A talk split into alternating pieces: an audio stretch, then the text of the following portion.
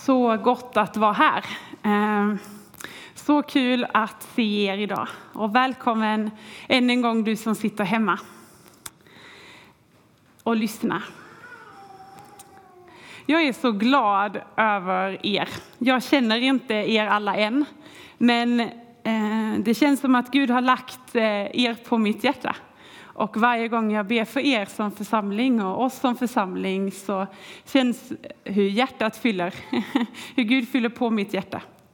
Och tack för ert välkomnande hit. Eh, både jag och Thomas känner oss väldigt välkomna eh, hit. Eh, så det känns extra, extra roligt. Vi börjar med att be. Jesus, vi tackar dig för möjligheten att fira gudstjänst tillsammans. Vi tackar dig för att vi får mötas och vi tackar dig för att vi får möta dig, Gud. Så vi tackar dig för att du är här och vill tala idag, Gud. Och jag ber att det du har lagt på mitt hjärta ska få vara dina ord, Herre. Och det av mitt eget bara ska få falla platt till marken, Herre Jesus. Men det som är av dig, det ska få bära frukt och det ska få blomma. Amen. Min predikan idag, det jag ska tala om, är Guds rike. Vad är Guds rike? Var ligger det? Är det en geografisk plats? Och du kanske sitter här och har funderat på Guds rike eller hemma och har tänkt helt andra frågor.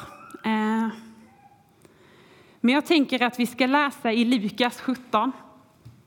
Har ni er bibel med er så får ni gärna slå upp den. Annars kommer den upp här på, eh, på väggen. Då Jesus blev tillfrågad av fariseerna om när Guds rike skulle komma så svarade han Guds rike kommer inte så att man kan se det med ögonen. Ingen ska kunna säga se här är det eller där är det. Nej, Guds rike är mitt ibland er. Johannes 18 och 36 så står det Jesus svarade, mitt rike är inte av denna världen. Hade mitt rike varit av den här världen skulle mina tjänare ha kämpat för att jag skulle inte utlämnas åt judarna. Men nu är mitt rike inte av den här världen.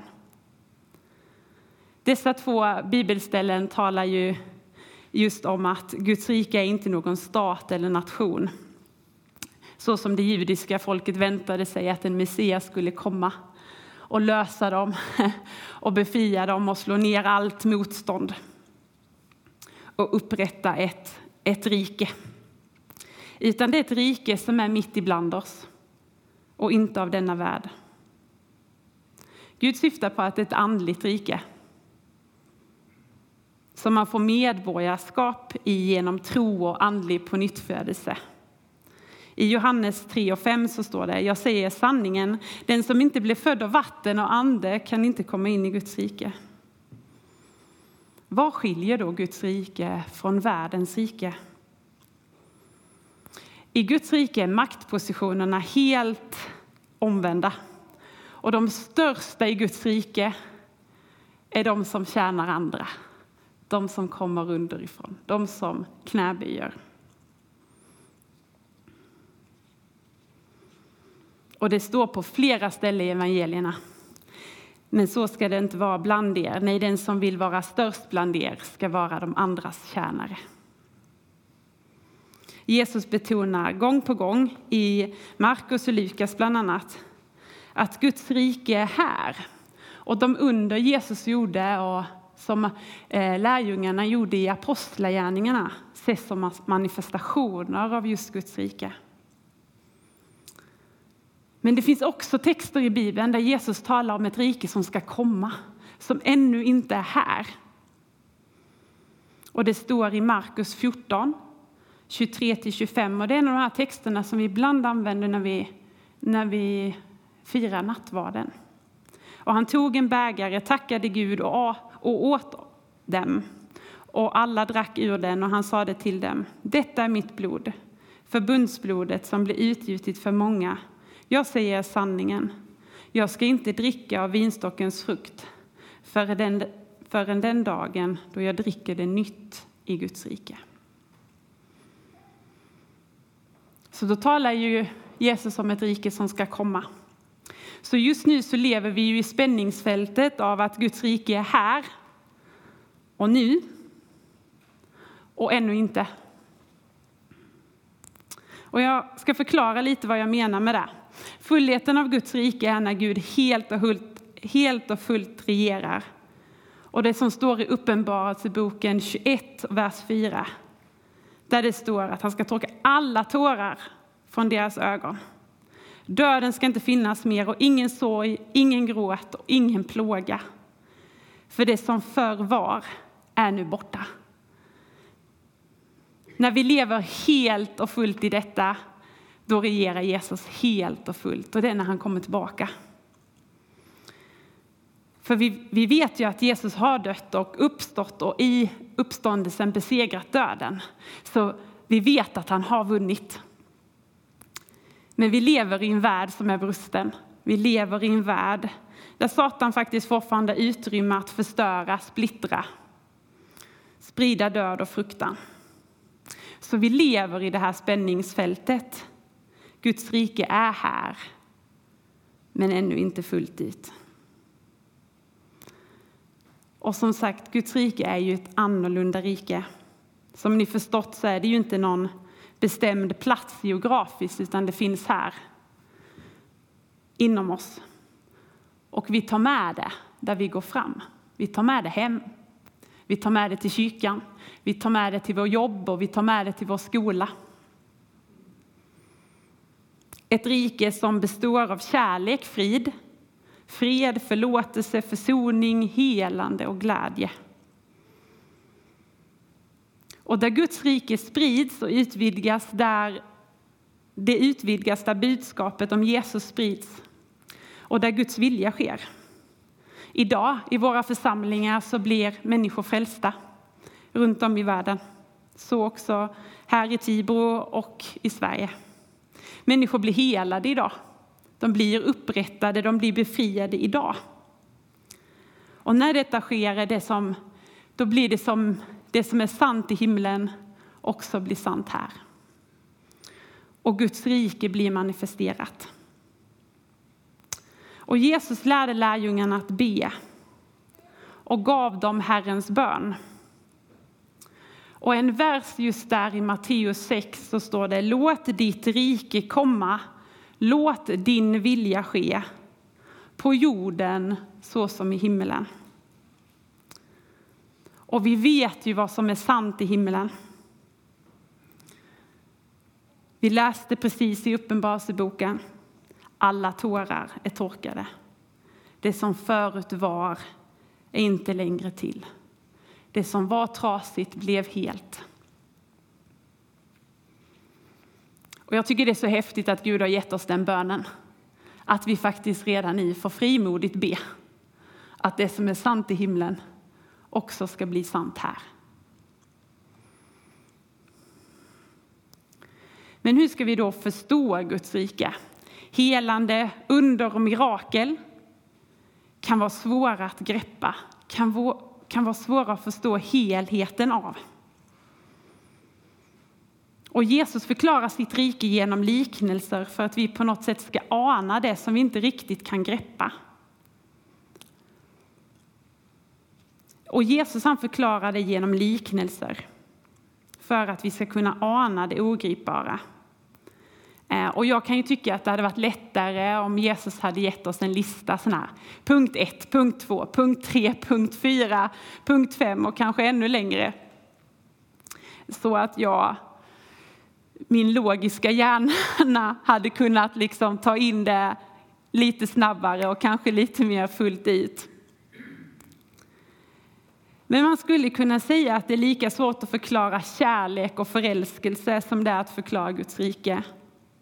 Ni vet, förälskelse är som fjärilar i magen. Egentligen säger det oss ingenting. Men alla som har varit förälskade någon gång vet känslan, har erfarit den i sin kropp.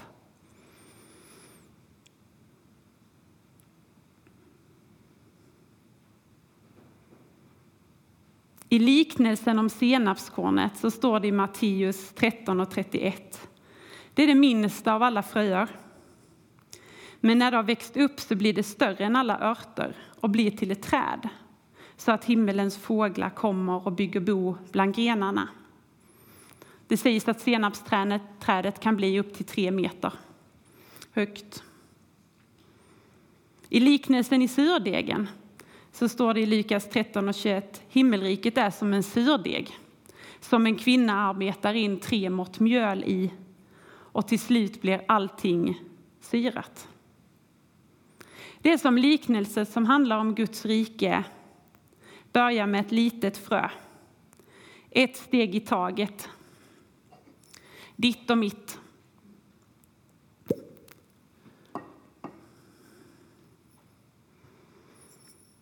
Det börjar med ditt och mitt ja till honom.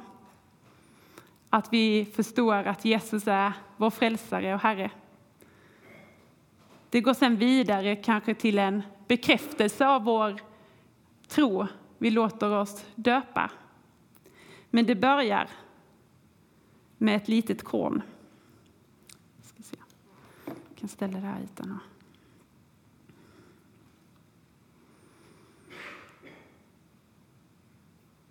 Att vara lärjunge till Jesus är ju en livslång process där jag hela tiden lär mig nya saker när jag läser min bibel. Nej. när jag läser min bibel. När jag är med i en hemgrupp och delar livet med andra människor som har samma tro som mig. När jag kommer till Guds tjänst och lyssnar på andra predikanter eh, så lär jag mig nya saker.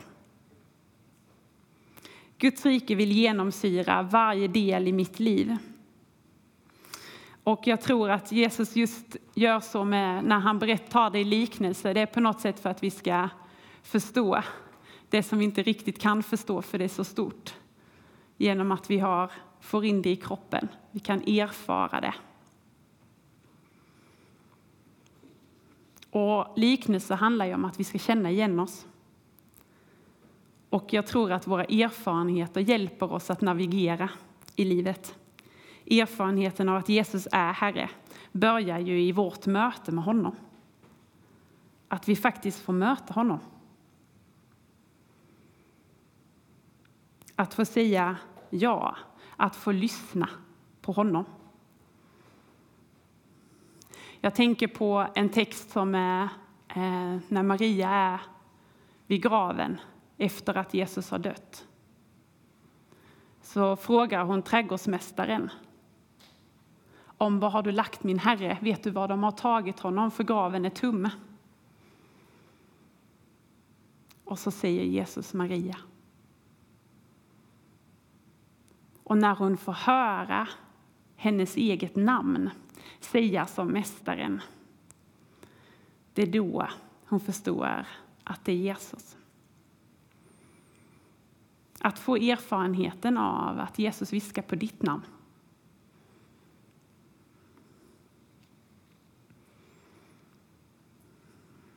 I Galaterbrevet så står det i kapitel 3, vers 26-28. Alla är ni Guds barn genom tron på Kristus Jesus. Alla ni som blivit döpta till Kristus har iklätt er Kristus. Här är inte längre jude eller grek, slav eller fri, man eller kvinna. Alla är ni ett i Kristus Jesus. Vi är bärare av Guds rike tillsammans, inte bara som enskilda utan tillsammans får vi stå. I Guds rike är vi bröder och systrar, vi är Guds församling på jorden. Gud valde oss långt innan vi valde honom. Han har lagt ner talanger och gåvor i var och en av oss som är till för att delas ut till varandra, att älska vår nästa, att peka på Jesus, att leda människor, gå sida vid sida med människor fram till korset och att Jesus får uppenbara sig för dem. Vi gör ju inte en massa saker här i kyrkan för att vi är tvingade till det, utan för våra erfarenheter, för våra möten med Jesus. Om vad Jesus har gjort för dig, vad han har gjort för mig, vad han har gjort för mänskligheten. För som sagt, vi är Guds A-plan. Det kan vi tycka vad som helst om, men vi är fortfarande där. Och han har valt att manifestera sitt rike genom dig och mig. Och jag, säkert du också, har områden i våra liv som vi inte är färdiga med. Där vi känner att vi är bristfälliga. Och det finns minst fem saker som skiljer mig från Jesus. Jag tänkte jag tar det här, första predikan. Om frågar ni Thomas här nere så kan han ge er fler områden, säkert. Jesus var alltid fylld av helig ande. Det är inte alltid jag. Jesus levde i gemenskap med Fadern. Han gjorde ju ingenting utan att veta vad Fadern sa. Jag glömmer bort den gemenskapen. Jag glömmer ibland bort att jag har rätt att sitta i Faderns famn. Att pappa Gud finns där för mig. Jesus var alltid fylld av medlidande. Tyvärr så blir jag hård i tonen ibland, särskilt när jag blir trött mot människor. Jesus levde i seger över synden. Där kommer jag till korta ibland. Jag vet att det finns där för mig att sträcka mig efter och, och, och växa. Men ibland faller jag. Och Jesus var alltid fylld av tro. Och det är inte jag. Men mitt, det jag gör är att jag tar fram min bibel.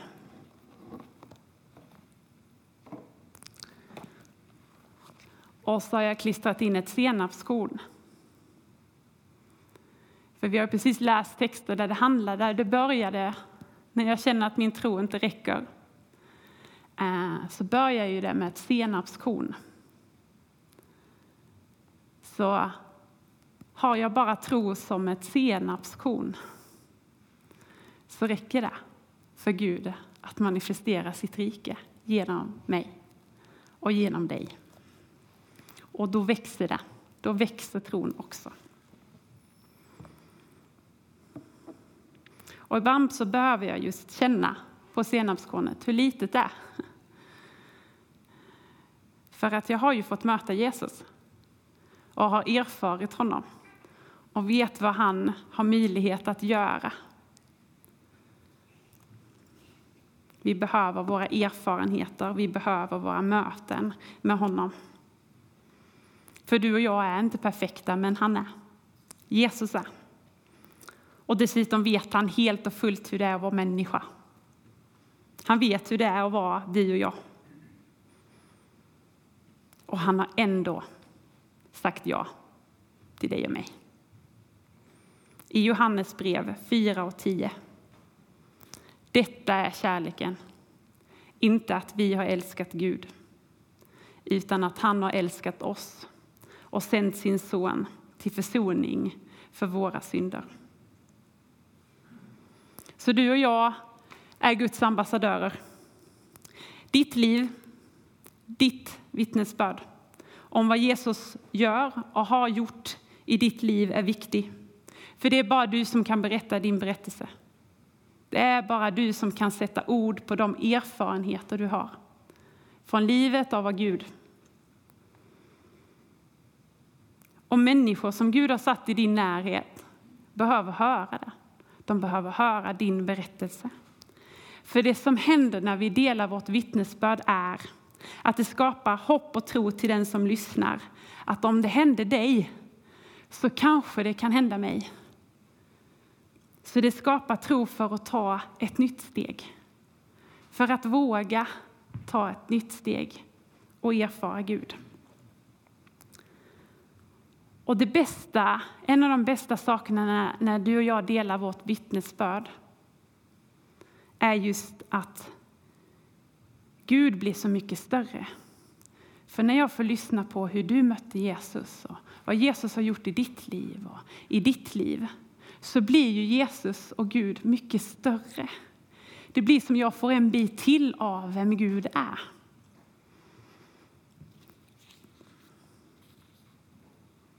Så Guds rike är här. Du och jag är bärare av det. Genom vårt ja och dop så har vi iklätt oss, iklätt oss Kristus i vår respons till honom. Och vi står tillsammans som Jesus ambassadörer för att visa den här världen ett annat rike. Visa den här världen att Jesus är på riktigt och att han har något att säga dig.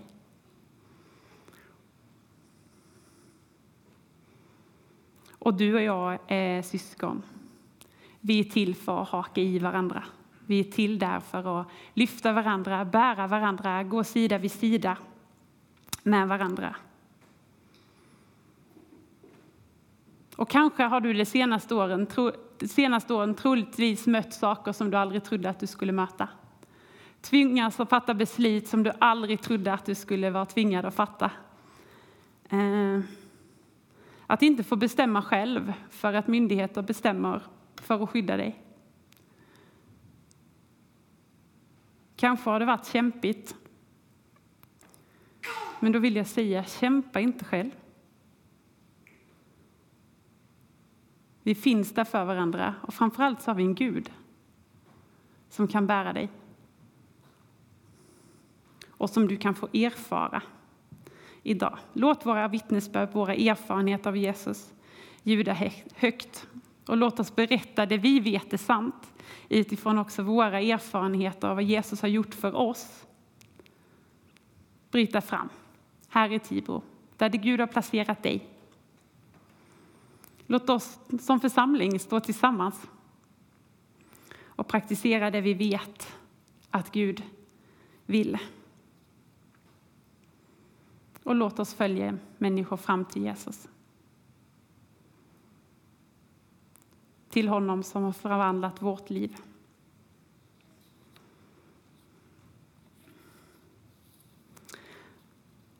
Och jag ska vända mig till du som sitter där hemma.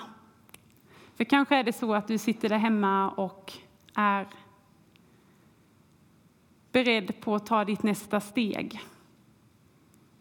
Att gå en alfakurs, att säga ditt ja till Jesus, att eh, eh, dop kanske har kommit upp. Ta kontakt med oss. Vi vill jättegärna finnas för dig i din resa till ditt nästa steg med Gud. Och det gäller församlingen här också.